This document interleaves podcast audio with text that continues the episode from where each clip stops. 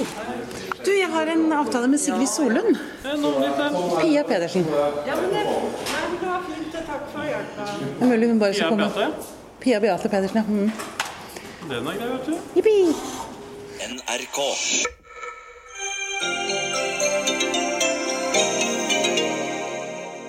Du, Sigrid, jeg lurer på, kunne du tenke deg å være gjest i Pia psyken?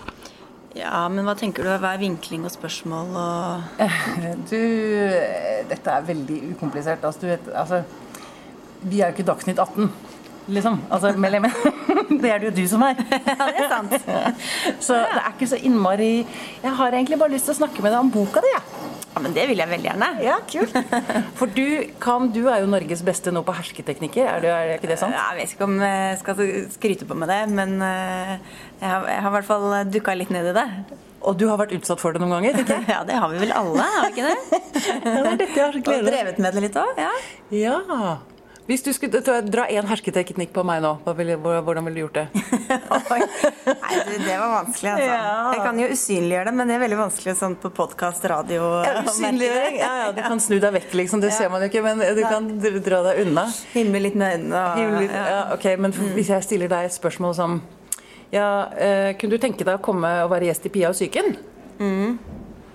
ja, jeg veit ikke. Er ikke så god på å bruke disse hersketeknikkene. De må, de må være litt mer subtile, tror jeg, enn at jeg skal liksom ta dem sånn på 1, 2, 3. Jeg kan prøve, jeg kan prøve å pønske ut noen til jeg kommer. Ja, kult!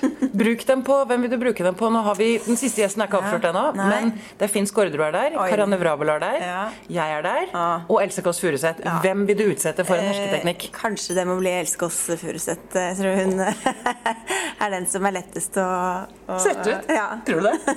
jeg vet ikke. Dette skal bli spennende. Dette gleder jeg meg skikkelig til. Og hvis du har lyst til å komme på liveinnspillingen, så må du bare gå inn på eventet vårt på Facebook og kjøpe billett der. Det vil jeg anbefale deg å gjøre. Alle har en syke, og jeg vil gjerne snakke om det. Det gjør jeg her, sammen med psykolog Karianne og en gjest. Dette er Pia Om psyken. Pia og psyken handler jo veldig mye ofte om sykdom. Karianne. Ja. Det gjør det. Mm, og så tenker jeg, Vi har snakket sånn eh, hvordan liksom, vår historiefortelling, eh, identiteten du skaper deg Det kan være lurt å kanskje heller snakke om frisk, friskheten. Mm. Ja. Og ressurser og Ikke sant? mm. Mm. Det skal vi mm, få gjort til gangs i dag. Mm. Er Velkommen bra. hit, Arnhild Lauveng. Takk. Du er psykolog. Du har nettopp eh, jeg, jeg, jeg beklager, altså, jeg kan ikke sånne akademiske termer. Du har nettopp disputert for en til en doktorgrad. Mm. Betyr det at du nå er profes- Doktor. er Ikke doktor. professor. Doktor. Ikke professor, Mm. nettopp doktor. Doktor i psykologi. Nei, doktor Filoss eller noe sånt. Doktor, ok. Mm, okay. Ja, det, er, som sagt, det, er, det er ikke viktig. Men du disputerte det nå bare for noen måneder siden. Ehm, og vi skal snakke mye om forskningen din, for den syns jeg er fryktelig interessant. Men jeg må bare få presentert deg litt ordentlig for de som ikke kjenner deg. Eh, du ehm, Jeg leste boken din 'I morgen var jeg alltid en løve', og den gjorde dypt inntrykk på meg. Og spesielt forordet der, for du skriver at 'jeg er frisk fra schizofreni'. Kan ikke du bare gjenta det forordet litt, for du skriver noe mer. Du skriver noe om at er ikke bare bedre akkurat nå. Eh, ja. Jeg er frisk. Jeg er ferdig med schizofrenien. Nå er det jo ganske lenge siden jeg skrev den boka, så jeg Ja. tenker nok annerledes. Jeg tror ikke lenger at det er så enkelt å si hva som er friskt og hva som er sykt. Nei. Jeg tror ikke lenger på Altså, da var jeg ung. Mm. Jeg tror ikke det er så helt klare kategorier. Jeg tror at vi alle sammen beveger oss opp og ned og har dager hvor vi har litt mer og mindre helse, eh, og at det er helt normalt. Og så tror jeg at det å være frisk handler veldig mye om tilrettelegging i samfunnet. Altså Jeg liker den definisjonen på at helse er å kunne møte hverdagens krav. Da kan du få bedre helse Ja. hvis jeg endrer kravene, eller hvis jeg endrer min evne til å møte dem. Ikke sant. Når det er sagt, så tenker jeg jo ikke at jeg har schizofreni lenger på noen som helst måte, Nei. og at jeg fungerer veldig, veldig annerledes enn det jeg gjorde da jeg hadde det. Men, men jeg tror ikke lenger på at det er sånn to, punkt tre, så er du liksom over den cut-linja. Jeg tror ikke det er så enkelt. Nei, og det er enig. Jeg har jo selv en bipolar diagnose. Og jeg Nå er det litt over fire år siden jeg ble tvangsinnlagt og fikk den diagnosen. Og så tenker jeg at eh, jeg er på et helt annet sted i dag enn jeg var for fire år siden. Og jeg vet jo ikke hva fremtiden vil bringe, men det er noe med at jeg har klart å skape meg et liv med denne podkasten. Eh, jeg står i noe jeg er stolt av, eh, og jeg føler meg jo Altså, jeg har lyst til å si at jeg er frisk. Så lurer jeg på om det er litt motstand Jeg er litt redd for å si det òg. Kanskje fordi jeg er redd for å falle tilbake i det, jeg vet ikke. Men um... Du kan jo ikke glemme det noen gang. Det er litt som å lære å lese. Altså Hvis du først har lært å lese, så kan du ikke bare glemme det. Nei. Og du kan ikke glemme alt det du har gjort, og alt det du har lært, og podkasten din, og Om du så skulle få symptomer på et eller annet igjen, så vil jo ikke alt det bli borte. Nei. Du vil jo være en annen en som eventuelt får symptomer, da, enn den som fikk symptomer for fire år siden. Men fordi, bare snakke litt grann også om det du har vært igjennom i din uh, ungdom. Ehm, psykoser, innleggelser, isolat. Altså det er ganske groteske opplevelser du bærer med deg. Kan du fortelle litt grann om det? Hva, altså, når var det du først fikk diagnosen, eller når merket du symptomene første gang? Min historie sånn veldig kort er at eh, pappa hadde, fikk kreft da jeg var tre. Så ikke jeg var redd for at han skulle være død, eh, eller at han skulle dø, til han døde da jeg var fem. Da jeg begynte på førskolen, så var jeg seks. Så ble jeg mobba fra jeg var seks til jeg var 16. Jeg begynte på skolen i sorg, ikke sant, og, og de andre reagerte på det. Så ble jeg da mobbet fra jeg var seks til jeg var 16. Da når jeg var 13-14, så begynte jeg å kjenne at jeg følte ikke at jeg helt fantes. Begynte å snakke om meg selv i tredje person inni hodet mitt, ikke utad. Tenkte hun, tenkte på å dø, mye grubling. Begynte etter hvert å høre litt stemmer. Det er jo ikke noen måte å fortelle helsesøster om det på. Eh, jeg prøvde, jeg føler meg litt rar. Ja, det gjør jo alle 13-åringer. Uh, når jeg var 16, så var det såpass tydelig at jeg var sjuk. Uh, da skadet jeg meg, stanget hodet i veggen, hørte stemmer. Uh, turte ikke sove om natten fordi kapteinen ville ikke la meg få lov til det. Da ble jeg innlagt. Så var jeg innlagt til jeg var rundt 26. Inn og ut og inn og ut, og veldig mye inn. Veldig mye tvangsmedisinert. Bodde på aldershjem i fire år. Eh, og var regnet som håpløs og oppgitt. Og så ble jeg utskrevet, og så begynte jeg å studere først videregående, og så forberedende, og så psykologi. Ja, Jeg skjønner at det ikke er én ting du kan sette fingeren på, men hva er det Hvor fant du den kraften? Var det mennesker rundt deg? Hva var det som liksom fikk vendepunkt? Jeg jeg skjønner at det ikke er ett vendepunkt, men, men um, ja. Nei, det er ikke et vendepunkt. Jeg er ikke så veldig glad i vendepunkthistorier, egentlig. Nei, nei. Men det var en dame fra Nav. Eller det, Nav var ikke oppfunnet, Nei, men eh, noe het- lignende. Det het eh, noe annet, ja. Uh, og hun kom og sa at vi må ha en plan. Den norske regjeringen har bestemt at alle under 26 skal ha en plan. Hva vil du bli? Og jeg var jo innlagt på gamlehjem, faktisk. Og hun sa um, hva, hva vil du bli? Jeg sa psykolog. Og så lagde vi en plan for det. Eh, med selvfølgelig plan B, C, D, E, F, G, H, I, E, K. Men, men vi lagde en slags plan for det. Og hun fulgte meg, og hun hjalp meg å få en attføringsplan. eh, en, en ansvarsgruppe. Hvor det var både terapeut og fastlege. Og disse tingene vet vi jo virker. Tverrfaglig samarbeid over tid langs en systematisk plan med kontinuerlig evaluering. Det er ikke så fancy som disse vendepunktshistoriene og kartarsis og sånn, men det virker nesten hver gang. Ja, sant. sant. Jeg har bare lyst til å nevne, eller trekke inn Karianne her. f- jeg har hørt noe om at akkurat dette med Eller Arnhild òg, i og for seg. Schizofrenidiagnosen er man i ferd med å gå litt bort fra. Eh, Er man ikke det? Eller eh, man skjønner at det favner for vidt, eller noe sånt noe. Ja, altså Det kan denne Arnhild kan veldig mye mer om enn meg, men det vi, det vi kan si, eh, som jeg kommer på når du snakker nå, Arnhild, er jo at eh, for det første, diagnoser som sådan, uavhengig av om det er bipolar eller schizofreni eller hva det nå er, det er jo bare reine beskrivende kjennetegn på noe som er som man ser som er uttrykk som er vanskelig. Det sier ingenting om hvorfor det er der, det sier ingenting om hvordan det kommer til å bli i fremtiden. Mm. Eh, det er rein deskriptiv informasjon. Ja, og det er, det tenker jeg er så viktig å få frem. Det er kjempeviktig. Eh, og det er for, sånn er det ikke ute i samfunnet. Det er sånn du er schizofren, du er bipolar, og så er det ferdig med det, liksom. Ja. Sånn opplevde jo jeg da jeg gikk gjennom helsesystemet. At det var sånn ok, svar på disse skjemaene. Ok, du er bipolar 2. Fint, da skal du ha den medisinen. Ha det. Det er litt sånn. Ja, og jeg opplevde i tillegg at det ble litt sånn eh, Du har de og de symptomene, da er du schizofren. Hvorfor har du de symptomene? Fordi du er schizofren. Ja. Og så blir det sånn helt Ja. sirkulært. Det blir jo helt Biter seg meningsløst. sjøl i halen. Ja. Ja. Ja. ja. Det er veldig Ja. Ja, og det er, og det er jo Det, det er ikke mm, det, det skumle blir når vi snakker om det som en identitet. For Ja. det er ikke det det er. Og det, det som også man kan være litt bekymret for, er jo man, man kunne tenkt at veldig mange av de biologiske forklaringene som er begynt å komme på schizofreni, f.eks. bipolar lidelse, at det kan hjelpe den som har det, fordi at da, da er det ikke dens skyld, på en måte. Det er noe man har kommet inn i verden med. Samtidig så er det noe veldig sånn fatalistisk Veldig. over det. Eh, og veldig pessimistisk.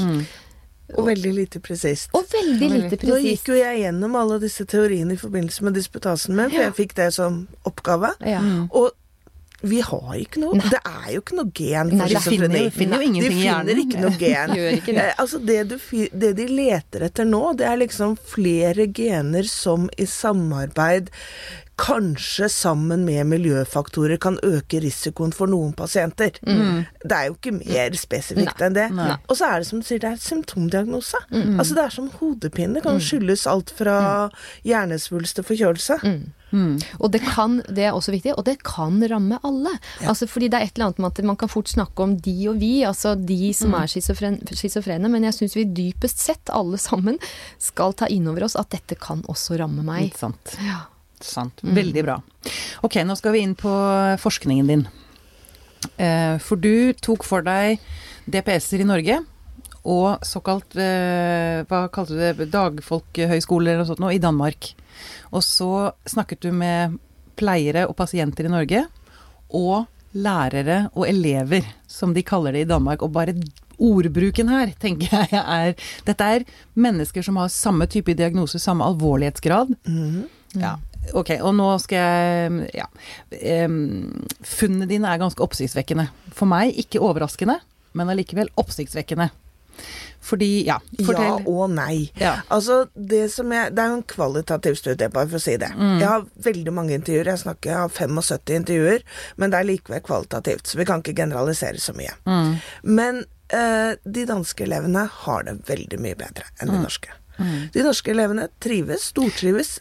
Ja, men vi må Norske studentene. Fordi det er pasienter. Pasienter. Vi ville kalt dem pasienter i Norge. Ja, alle har diagnoser. Alle har alvorlige diagnoser. Mm. Schizofreni, bipolar lidelse, med og uten rusproblemer, eh, alvorlige personlighetsforstyrrelser. De fleste har mange diagnoser, og de har de oppå hverandre. Mm.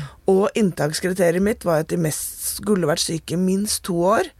Og alle hadde vært syke i minst fem, de fleste i 10 eller 20 eller 30. Ja, og vi snakker hele aldersspennet her, eller ungdommer, eller? Nei, vi snakker um, Den yngste var vel i midten av 20-årene, så var de opp til midten av 60-årene. Ja, nettopp. Så var voksne over 18. Ja. Og ehm, De norske de var inn og ut av DPS. Inn og ut, inn og ut. Ble innlagt, ble utskrevet, ble innlagt, ble utskrevet.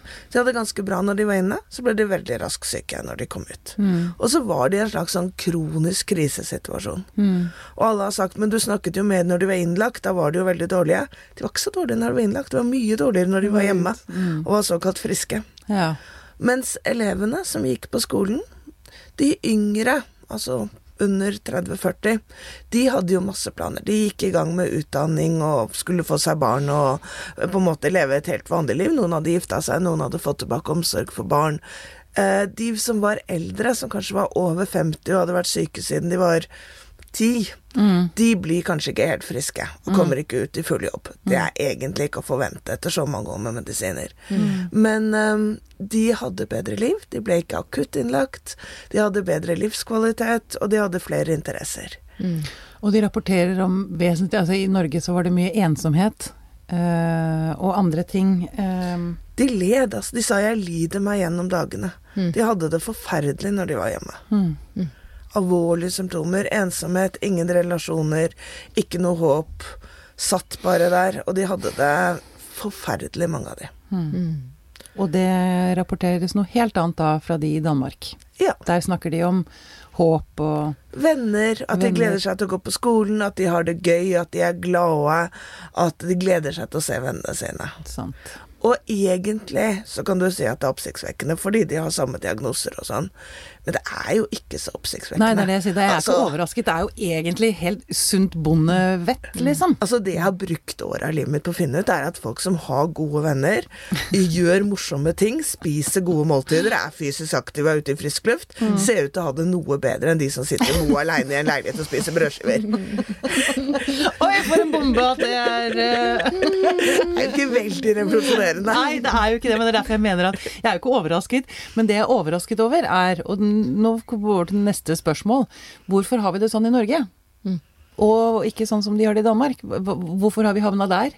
Altså Det er ikke alle som har det sånn i Danmark. Danmark har Nei, veldig mye selvfølgelig, selvfølgelig. tradisjonell Men, men bare for å sette disse to opp Ja. mot hverandre, da. Mm. Jeg tror de har det nokså likt i Danmark. Jeg hadde en dansk opponent, og hun sa dette er unntaket. Det er Ja. ikke sånn vi har det i Danmark. Nei, så det er okay. viktig å understreke. Ja. Jeg tror at den tradisjonelle psykiatrien er veldig opptatt av at vi skal behandle sykdom. Mm. Vi skal behandle symptomene, vi skal gjøre folk friske. Det er liksom det helsevesenet gjør. Behandle sykdom. Og så er det noen mennesker som kanskje har så store problemer at de ikke klarer å skaffe seg alle de tingene som trengs i et godt liv. Venner, eh, fritidsaktiviteter. Du klarer ikke å ta initiativ selv, for du er for syk på en eller annen måte. Og for utrygg, tenker For jeg. utrygg. Og det der du sa om, i stad om identitet, tenker jeg er så viktig. For vi vet jo nå at et av kjerneproblemene ved schizofreni sannsynligvis er at du har en svak opplevelse av et jeg. Ja, Altså at du ikke sant. føler at du er sånn som jeg som snakka meg selv i tredje person og tenkte at stemmene styrte meg og sånn. Jeg hadde jo blitt mobba så mye, jeg hadde vært så liten og jeg begynte å bli redd. Tenk på unger som blir utsatt for overgrep, vold. De får aldri utvikla et trygt jeg. Og da blir det vanskelig å få venner, interesser, ta tak i livet sitt. Så jeg tenker at hvis vi legger til rette, sånn som jeg var inne på i stad, altså hvis vi legger til rette kravene, sånn at det blir lettere å få venner, lettere å gjøre morsomme ting, så kan man få alle de tingene man trenger for et godt liv, og få det bedre. Det er bare snakk om å legge lista litt lavere. Ja, men jeg tenker jeg kan høre politikere si ja, men det er altfor dyrt, eller eh, Men jeg tenker Jo, men Vet du, det må jeg Unnskyld, men det må jeg svare på. Ja. Det gir et tilbud til 60 alvorligst syke pasienter for 5-6 millioner danske i året. Ja. Fem dager i uka, fem timer om dagen, pluss Ja. noen helger og kvelder. Og de blir ikke innlagt lenger. Og det- Dette er småpenger. Det er sannsynligvis en brøkdel av det vi bruker på de pasientene her i Norge. Ja, veldig godt. Men hva, hva skal til for Ærlig, nå, jeg, har bare lyst til å høre mm, Karianne. Og jeg vet at du har nå sikkert sittet og tenkt mange ting, Ja, sannsynligvis. Ja, ja, det, det, ja, ja, særlig en ting som, som jeg hører i det budskapet du sier nå, Arne, som er veldig viktig. Og det er at det, det betyr jo faktisk da at selv om man har en alvorlig psykisk lidelse, så kan man faktisk oppleve god psykisk helse. Ja. Men, men, men da kan man vel også kanskje tenke the opposite side of the coin, da. Altså at eh, sånn som eh, du og jeg, Pia, eller så, mange andre Nå har jo du vært åpen på at du har en diagnose, men at de som ikke har en psykisk lidelse, så kan også oppleve psykisk uhelse. Mm. Som igjen blir litt sånn betydningsfull i forhold til det at man ikke skal skille så mye på de og vi, da. ja. Det, er det ikke det litt Jo, det du jeg, sier jeg syns det er eller? viktig å skille mellom psykisk sykdom og psykisk helse. Ja. For jeg tenker at du kan ha god og dårlig psykisk helse uavhengig av om du har en psykisk lidelse eller ikke. Og så er det selvfølgelig sånn at hvis du lever med dårlig helse over tid, så kan du bli syk av det. Ja. Og hvis du lever med god helse over tid, så kan du jo få bedre, bli friskere. Men, men at det kanskje er Vi har kanskje vært litt opptatt av den der diagnose, sykdom, symptom, Ja. Mm. Kanskje vi burde jobbet litt mer med å gi folk bedre helse. Ja. Men hva, og hva drømmer du hva, hva, har du ikke sant? Hvis, hvis du kunne være mm, Hvis du kunne være helseminister, hva ville du gjort? Åh, for et drømmespørsmål, Pia. Det, Og jeg ville gjort oh, veldig nå kan du bare bre deg ut. Oh, da kunne jeg gjort veldig mye. Eh, hvis jeg var helseminister, så ville jeg gjort mye forskjellig. Da ville jeg ha Jeg ville nok ha droppa pakkeforløpene. For jeg tror ikke noe særlig på pakker. Alle sier det. Alle i bransjen sier det der. Og hvorfor driver du gjennomfører det? Jeg skjønner det ikke. Altså Som jeg sa i stad, dette er symptomlydelse. Jeg tror ikke på noe pakke for hodepine. Altså, det går ikke, så det tror jeg ikke noe på. Jeg ville ha satset mer på de alvorligst syke. Ja. Jeg syns kanskje eh, at vi bruker mye Vi har fått veldig mange nye grupper inn. Jeg tror ikke vi behandler friske mennesker, det gjør vi virkelig ikke. Men vi har fått inn veldig mange nye grupper som ikke var på asylene. Og de er nå i helsevesenet og får behandling, og det er bra. Ja, Hva snakker vi om da? Nei, altså Vi snakker om f.eks. at i 70, på 70-tallet så var det 2,6% barnehagedekning. Alle de kvinnene som er kommet inn i arbeidslivet, en god del av de er og var syke. De var syke før òg, men da var de hjemme uten å være sykemeldt, og vi merka det ikke. Ah. Nå har de angstdepresjon og får behandling på DPS, og det syns jeg er flott. Vi har funnet de. Mange av de mennene som før gikk til sjøs eller jobbet i skogen, blir nå sett på av sin alkohol og rus og problemer, og får hjelp. Og det er flott. Men alle disse får nå behandling i de systemene vi har bygd opp, og de som fikk behandling på asylene, har mistet De er kommet ut av samfunnet. Ja, sånn. De sitter hjemme i, i eh, omsorgsboliger som de ikke er så mye omsorg i, og får egentlig ikke verken behandling eller rehabilitering. Så det ville jeg gjort noe med. Men det var morsomt, for du sa hva ville du gjort hvis du var helseminister? Hvis jeg fikk lov til å være statsminister, Ja. så ville jeg bedt helse, arbeids- og inkludering og kanskje skole- og utdanningsministrene om å slå seg sammen og bygge opp skoler. Ja. Fordi det handler mye mer om helse. Det handler ikke om at vi skal ha et nytt helsetilbud, men et tilbud for utdanning og inkludering og livskvalitet for de som faller utenom. ja. Og, og, disse skolene lå under Utdanningsministeriet i Danmark da jeg begynte. Mm. Nå er de på kommunenivå og sliter økonomisk. Men jeg vil ikke ha de som et helsetilbud. Mm. Jeg vil heller ha de som arbeid, inkludering, samarbeid mellom arbeid, inkludering, skole og helse. Ja. Jeg tenker at Vi hadde, har hatt Barneombudet her, som ber om en milliard til forebygging av uh, vold og overgrep mot barn, yep. og få høre at hun er kravstor. Og jeg Det koster at Det er Ja, det- peanuts. Det er Det er så rart. Det, det så skrev jeg også at det, det er jo en Eller hun sier det, at det er en fantastisk return on investment å bruke de pengene, fordi du får det tilbake tusengangeren. Og det, det, er, det, er, det er så rar Det det er så rar tankemåte Uh, i, i liksom systemene våre. Eh, ikke, ikke så veldig menneskevennlig. Mm. Det er så effektivis... Det er bare snakk om effektivisering hele tiden. Åh, det er jo ikke engang effektivt. Altså, å gi disse menneskene De har gått ut og inn og ut og inn og ut og inn. En av informantene mine, som hadde en alvorlig spiseforstyrrelse, fortalte at hun hadde vært innlagt jeg vet ikke hvor mange ganger på den samme avdelingen, over nei, mellom 10 og 20. Og den avdelingen kunne ikke behandle spiseforstyrrelser. Så i løpet av de siste 10-15 årene hadde hun vært innlagt utallige ganger, men aldri fått behandling for det hun led av. Det er jo ikke effektivt. Nei. Det er jo idioti. Og, da, og det er jeg helt enig i. Og da får jeg lyst til å si, for det, dette er jo ikke Dagsnytt 18 som du sier, Pia, men, eh, men, men derigjennom er det liksom hvis man snakker om det, det er òg viktig å ha kompetanse på én lidelse. Altså hvis, hvis den pasienten hadde kommet til en, en intensiv, strukturert eh, behandling for spiseforstyrrelse, så kan det hende hun hadde vært spart for, for veldig mye, da. Sånn at vi, vi, vi skal ikke glemme hele betydningen av å, å kunne mye og prøve å forske mye på, på en lidelse, så vi prøver å forstå det på en eller annen måte. Selv om dette her sannsynligvis er veldig eh, mangfoldig, for vi vet jo at har du har du f.eks. en personlighetsforstyrrelsesdiagnose, så har du stor sannsynlighet for å altså ha flere. Altså, Som sier noe gjennom kanskje selve diagnosesystemet, da, at det er vanskelig å fange opp. Og så tror jeg jeg er helt enig med at noen ganger er det lurt å ha kompetanse, og vi trenger det.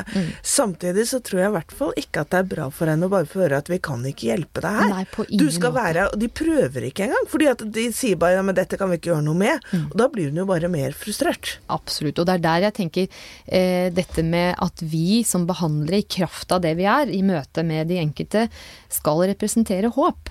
Og vi skal, ikke være, vi skal ikke gi pessimisme på falskt grunnlag heller, for det er ikke noe grunn til det. Og hvorfor skal vi gi håp? Jo, fordi det er veldig mange gode grunner for det, ikke fordi vi er programforpliktet til å si det. Det syns jeg er veldig viktig. Ja. Enig. Mm. Um, uh, jeg har vel lyst til å ta opp en tråd du var innom i sted, Arnhild. Du sa at disse som har vært syke siden de var 10 og nå var 60, at de, man kan ikke forvente at de skal komme tilbake på grunn. Så sa du av medisinering.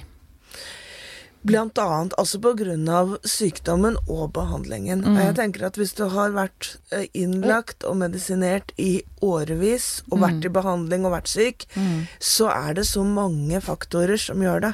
Det er alder. Det er ikke så lett å ansette en 60-åring som aldri har vært i jobb og ikke har noe utdanning. Det er skader av medisiner, det er skader av å ha vært syk så lenge. Alt det du har gått glipp av som utdanning og arbeidserfaring, Ja, så er sammensatt. Mm. Og sykdom i seg selv også, selvfølgelig. Ja. Um. Men hva, hva eh, Hvis jeg kan Jo. Ja, nå brøt kjør jeg på. inn i deg. nei, Ja, kjør ja. på. Jeg mista litt tråden her. Ja, for at, nå har jo du sagt noe om det da, Arnhild, om hva du ville gjort hvis du hadde vært helseminister for en dag. Men, eh, men disse her skolene, som jeg ble veldig nysgjerrig på i Danmark, eh, er, altså, hva, hva, hva er det som gjør at det blir så spesielt bra? Jeg tror kanskje det er det at de ikke prøver å behandle folk. Ja, ikke sant. Altså, de har, det er jo derfor så jeg ville ikke gjort det hvis jeg var helseminister. Jeg, måtte, jeg ville ha, et, ha det et annet sted. Ja, nettopp. Fordi at jeg tror at det at de ikke maser om at du må bli frisk, gir folk en sånn trygghet og litt rolige skuldre, så får de tid. De får masse tid. De yngre som er der, de får sånn to, først seks måneder og så et år. Og de sier at de får ikke egentlig brukt skolen før de får uføretrygd. Da kan de begynne å jobbe med å bli bedre. For da får de slappe av. Ja, for det er et press, det der. Nå skal du bli frisk fortest mulig. på seks måneder. Og så får du tid, og du vet du kan gå på skolen, og så får du så tenker jeg at det blir ikke så mye prestasjonspress på at du skal bli frisk. Du får lov til å gjøre morsomme ting, og så kommer det at du får det bedre nærmest som en slags Ja. bivirkning. Og jeg husker jo selv fra min egen at jeg var redd for å bli frisk. Jeg visste ikke hva det skulle være. det har jeg trodde jeg tror vel- kravene kom for fort. Ja. Og det hjalp meg faktisk mye en behandler som sa at med din, din journal så er det ingen som kommer til å tro på at du blir frisk, så bare slapp av. Og det Ja. var faktisk en hjelp, for det ble ikke så mye mas. Ja. Men det er flere jeg har hatt eh, Jeg husker ikke om det var Linnea Myhre eller Ingeborg Senneset. Jeg tror det var Myhre som sa at hun også var redd for å bli frisk. Eller hun var ikke sikker på om hun ville bli frisk. For det er jo en trygghet i å ha en diagnose òg, på en eller annen måte. Du vet i hvert fall forventningene. Altså jeg, ja, jeg fortalte jo raskt riss av min historie. Jeg hadde liksom aldri vært frisk som voksen. Nei, visste ikke hva det innebar. Jeg trodde det var masse mas og styr. Så hadde ingen egentlig husket på å fortelle meg at det er ganske gøy. Men jeg har også lyst til jeg, bare, jeg kommer på en artikkel som jeg leste for et par år siden, som jeg syns var helt fantastisk, som, med overskriften 'Ikke syk for alltid'. Eh, to forfattere som snakket om eh, at eh, Ikke to forfattere, men artikkelforfattere. at kanskje det også er noen sånn mekanisme med psykiatrien at de ikke vil akseptere Altså hvis du blir frisk, så var du sannsynligvis feildiagnostisert. at de ikke vil akseptere at det er mulig å bli frisk, da. Og det syns jeg er en mekanisme som ikke høres veldig sunn ut, for å si det mildt. Hva, Jeg har jo hørt det mye. Ja. Både at jeg ikke var syk, og også at jeg sikkert hadde en annen diagnose enn den jeg hadde. Ja. At du ikke hadde en schizofrenidiagnose? Mm. Uh, det har jeg hørt mye. Men tenker jeg ok, det kan godt være jeg tror egentlig at diagnosen stemte, men det kan jo være feil, selvfølgelig. Men da var det jo rart de ikke kom på det når de ga meg diagnosen. Ja. Da kunne de jo sagt til meg at vi tror du er schizofren, men det kan jo være du er feildiagnostisert, og da kan du bli bra. Og det var det jo ingen som sa før etterpå. Og de der spådommene som kommer i ettertid, er jo ikke så veldig Jeg tror det handler om at schizofreni er en ganske skremmende sykdom. Ja. Det har veldig mye smerte i seg. Veldig mye angst. Eh, folk, folk har det ofte ganske fælt. Det er jo noen som sier de har lykkelige psykoser, men veldig ofte så har folk det veldig fælt. Og det er ganske skremmende. Og da er det Jeg tror vi møter noe av vår egen usikkerhet, forvirring, angst, og det er mye lettere å si at det er kronisk. For det er i hvert fall ikke min skyld hvis du ikke får det til. Ah, sånn ja, at det er ja, akkurat. Nettopp. Nettopp. Hva tenker du Karianne Nei, om eh, ja, og jeg tror også at em, dessverre når det kommer til en så, så, sånn lidelse som schizofreni, da, som, som vi kan bli veldig eh, redde og bekymret og, og fryktsomme, vi som er rundt, fordi det er jo også Vi har dessverre noen sånne eh, groteske eksempler på at det blir beskrevet eh, i nyhetene f.eks. at noen har, altså, noen har vært på trikken og skadet noen, eller noen har, Ja. en, noen har drept noen, og så blir ofte schizofreni nevnt i den sammenhengen. Ja. Eller Og psykose. er psykotisk. Tikkende bomber og Ja, sånn. ja. Mm, mm, og, og da, får vi det, da, da er vi utsatt for det vi kan i psykologien kalle for baseratefeil. Altså at vi, vi, når, vi når du får veldig stor oppmerksomhet, så tror vi at det er så mye av det. Eh, Baseratefeil, det er ja. fantastisk ord. Ja, det er, det er en veldig god forklaring på det at eh, vi tror fenomenet er ekstremt stort. Eh, og veldig mangfoldig. Det fins mange av det, og mye av det, når det får stor oppmerksomhet på en førsteside i avisen. Og så er det faktisk ikke det i det hele tatt. Og så har det i tillegg til det, så er det også noe med at veldig mange som hører nyhetene, kjenner kanskje ikke så mange som har schizofreni, eller de vet ikke om at det er den diagnosen de de kjenner har. Eh, den farligste gruppe, eller den nest farligste gruppen i Norge, er jo ektemenn. Men siden de fleste kjenner en ektemann som ikke har drept, eller flere, så er det ikke så lett å tenke på alle ektemann som Nei. tikkende bomber. Eh, den aller farligste gruppen i Norge er jo oss selv. Ja. Den, den det er størst risiko for at skal komme til å drepe deg på statistisk nivå, er deg selv. Ja. Det er en 500-600 selvmord i året og ca. 20-25 drap. Så raten er Det er mye, mye Ja, farligere. Det er et viktig, veldig viktig bilde å ha med seg, altså. Ja, veldig. Og, og i den sammenhengen der så kan man, altså det har vel sikkert du òg vært utsatt for da, Arnhild, det med, med tvang. Som gjøres på veldig forskjellige måter. Men eh, og blir det gjort feil, så er det i verste fall eh, forferdelig og får store konsekvenser og kan skape traumer. Blir det gjort på en god måte, så kan det være en beskyttelse for oss selv når vi er der at vi står i fare for oss selv, da. Eller andre. Ja. Men vi har altså ingen sånne folkehøyskoler som du har besøkt i Danmark, i Norge. Nei. Why? Jeg vet ikke. Jeg syns vi skulle hatt dem. Ja, Uh, jeg tror det er veldig lite kjent. ja jeg det gikk er jo det rundt nok. i veldig mange år og sa skulle vi ikke hatt skoler, bare fordi jeg syntes det var en god idé.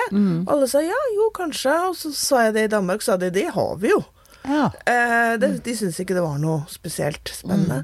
Og jeg tenker de har eksistert i Danmark i 25 år. Det er ikke så langt til Danmark. Det er jo ikke det. Mm, nei. Eh, og det har Det er ikke forsket veldig mye på det i Danmark, men de har eksistert. De har greier gode resultater. Og jeg, jeg syns jo at det er såpass småpenger at vi burde prøve det. Ja, altså, Men det som er kjempeviktig, det jeg er redd for, da Det jeg er kjemperedd for, er at vi ødelegger det i importen. For det gjør vi gjerne når vi importerer ting. okay. Så gjør vi ting litt annerledes. Eksempel akutteam skulle jo ha uh, oppe 24 timer i døgnet, sju dager i uka. Komme og besøke folk fire ganger i døgnet og lufte bikkja deres. Mens i Norge så er det én samtale én gang i uken på dagtid. Og så har de ikke like gode resultater som hvis du kan få besøk fire ganger i døgnet. Nei, men det, det, er en, det er noe vi har importert. Ja, vi har importert det fra England, hvor de har veldig gode resultater, med et helt annet opplegg. Og så importerer vi det og sier at vi gjør det samme, mens vi gjør noe helt annet. Og så får vi ikke det. Mm. så gode resultater. Så det jeg er redd for, er at vi skal lage sånne skoler her, kalle det ja, gjøre det under helsevesenet, ansette bare sykepleiere, ikke lærere, si at det er maks seks måneder, kanskje kveldskurs tre ganger i uka. Da vil vi ikke få så gode er resultater. samme- vi må gjøre det ordentlig. Mm. Det er bra. viktig for meg. Veldig, veldig bra. Ja, det er jo jeg, jeg, Igjen så tenker jeg det er jo håp. Altså det, er, det finnes jo veldig mye bra folk der ute som gjør mye bra ting. Det er det. Og jeg tror ikke skole vil passe for alle. Det må jeg bare si. Folk er forskjellige, og jeg skal ikke legge ned alle avdelingene. Altså, jeg tror jo, og det sa jo mange av de danske, at de ville gjerne ha terapi i tillegg. Ja. Det er veldig vanskelig å få terapi i Danmark. Akkurat. Og de sa at hvis jeg hadde hatt terapi ved siden av det miljøet på skolen, så jeg hadde noen å snakke med om det som skjedde på skolen, så ville jeg få enda mer utvikling. Noen hadde prøvd det i korte perioder og sa det virker enda bedre. Ja. Og det, for jeg syns det du sier noe om det, er en type modell som, og sånn som vi egentlig burde forstå psykoterapi. Fordi psykoterapi er jo ikke bare å snakke. Psykoterapi er også gjøreterapi. Altså vi, man kan godt sitte og snakke en time i uka, og det kan hjelpe, men, man må, men det må jo føre til at man gjør noe annerledes, da. Fram til neste time. Og i den modellen du skisserer der, da, hvis man hadde hatt den skolen og, og terapi, så hadde man jo fått gjort begge deler. Det ligner litt sånn som det gjør på noen barnevernsinstitusjoner nå. At de sier at for de, nesten alle disse pasientene har opplevd traumer. Ja. Sånn at hvis man sier at det å få omsorg, det å få glede, det å få gode opplevelser, er jo like mye terapi som bare snakketerapi. Absolutt. Ikke sant. Og, det, og, og tenker jeg også oppleve mestring igjen. Så det Ja. tenker jeg på meg selv, selvfølgelig, for jeg er jo det mest interessante mennesket for meg. Selvfølgelig. Sånn er det. sånn er det. Jo, men uh, jeg tenker at det har, vært, det har virkelig vært mye terapi å gjøre denne podkasten, denne mestringen. Altså gjøre noe og se at det faktisk hjelper andre. Og det er jo Ja. Mm. Føle, føle at man har verdi og har det, har det gøy. Mm. De danske brukte ordet glede hele tiden. Ja. De sa det å ha så mange gode opplevelser, det at alle er så snille, det å få så mye omsorg, det å få så mye trøst. Mens, og lærere vil jo gjerne at elevene skal ha det bra. De fleste lærere vil jo det. Mens på sykehus er det jo sånn de skal ikke ha det for bra her, vi må få de fort ut. Og det er greit, for folk skal ikke leve livet på en sykehusavdeling. Men de har det jo ikke bra hjemme heller. Nei. Og jeg tenker at dette er folk som har hatt en ganske røff barndom, og som har hatt mye smerte. Det at de ikke har noen steder hvor de kan få ha det gøy, det, det plager meg. De trenger jo virkelig omsorg, gode opplevelser, god mat, øh, øh, hyggelige mennesker, trøst. Altså alt dette.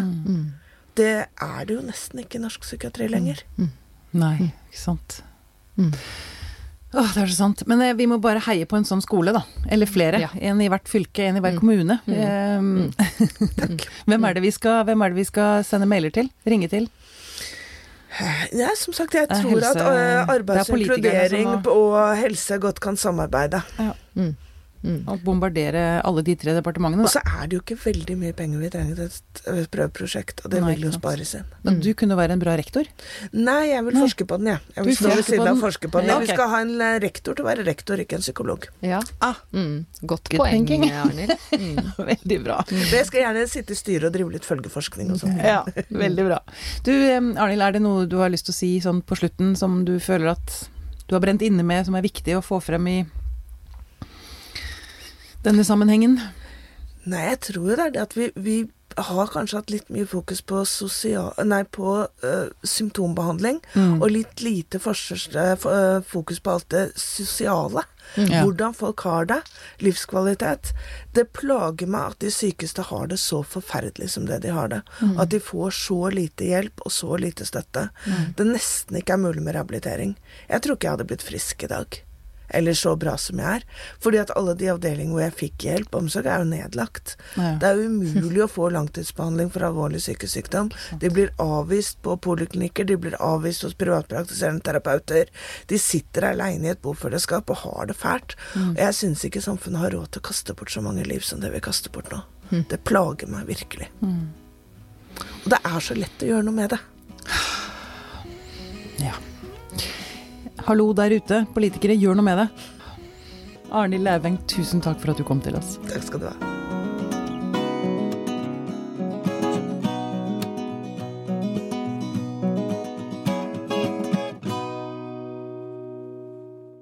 Denne Podkasten er produsert av Tid og Lyst.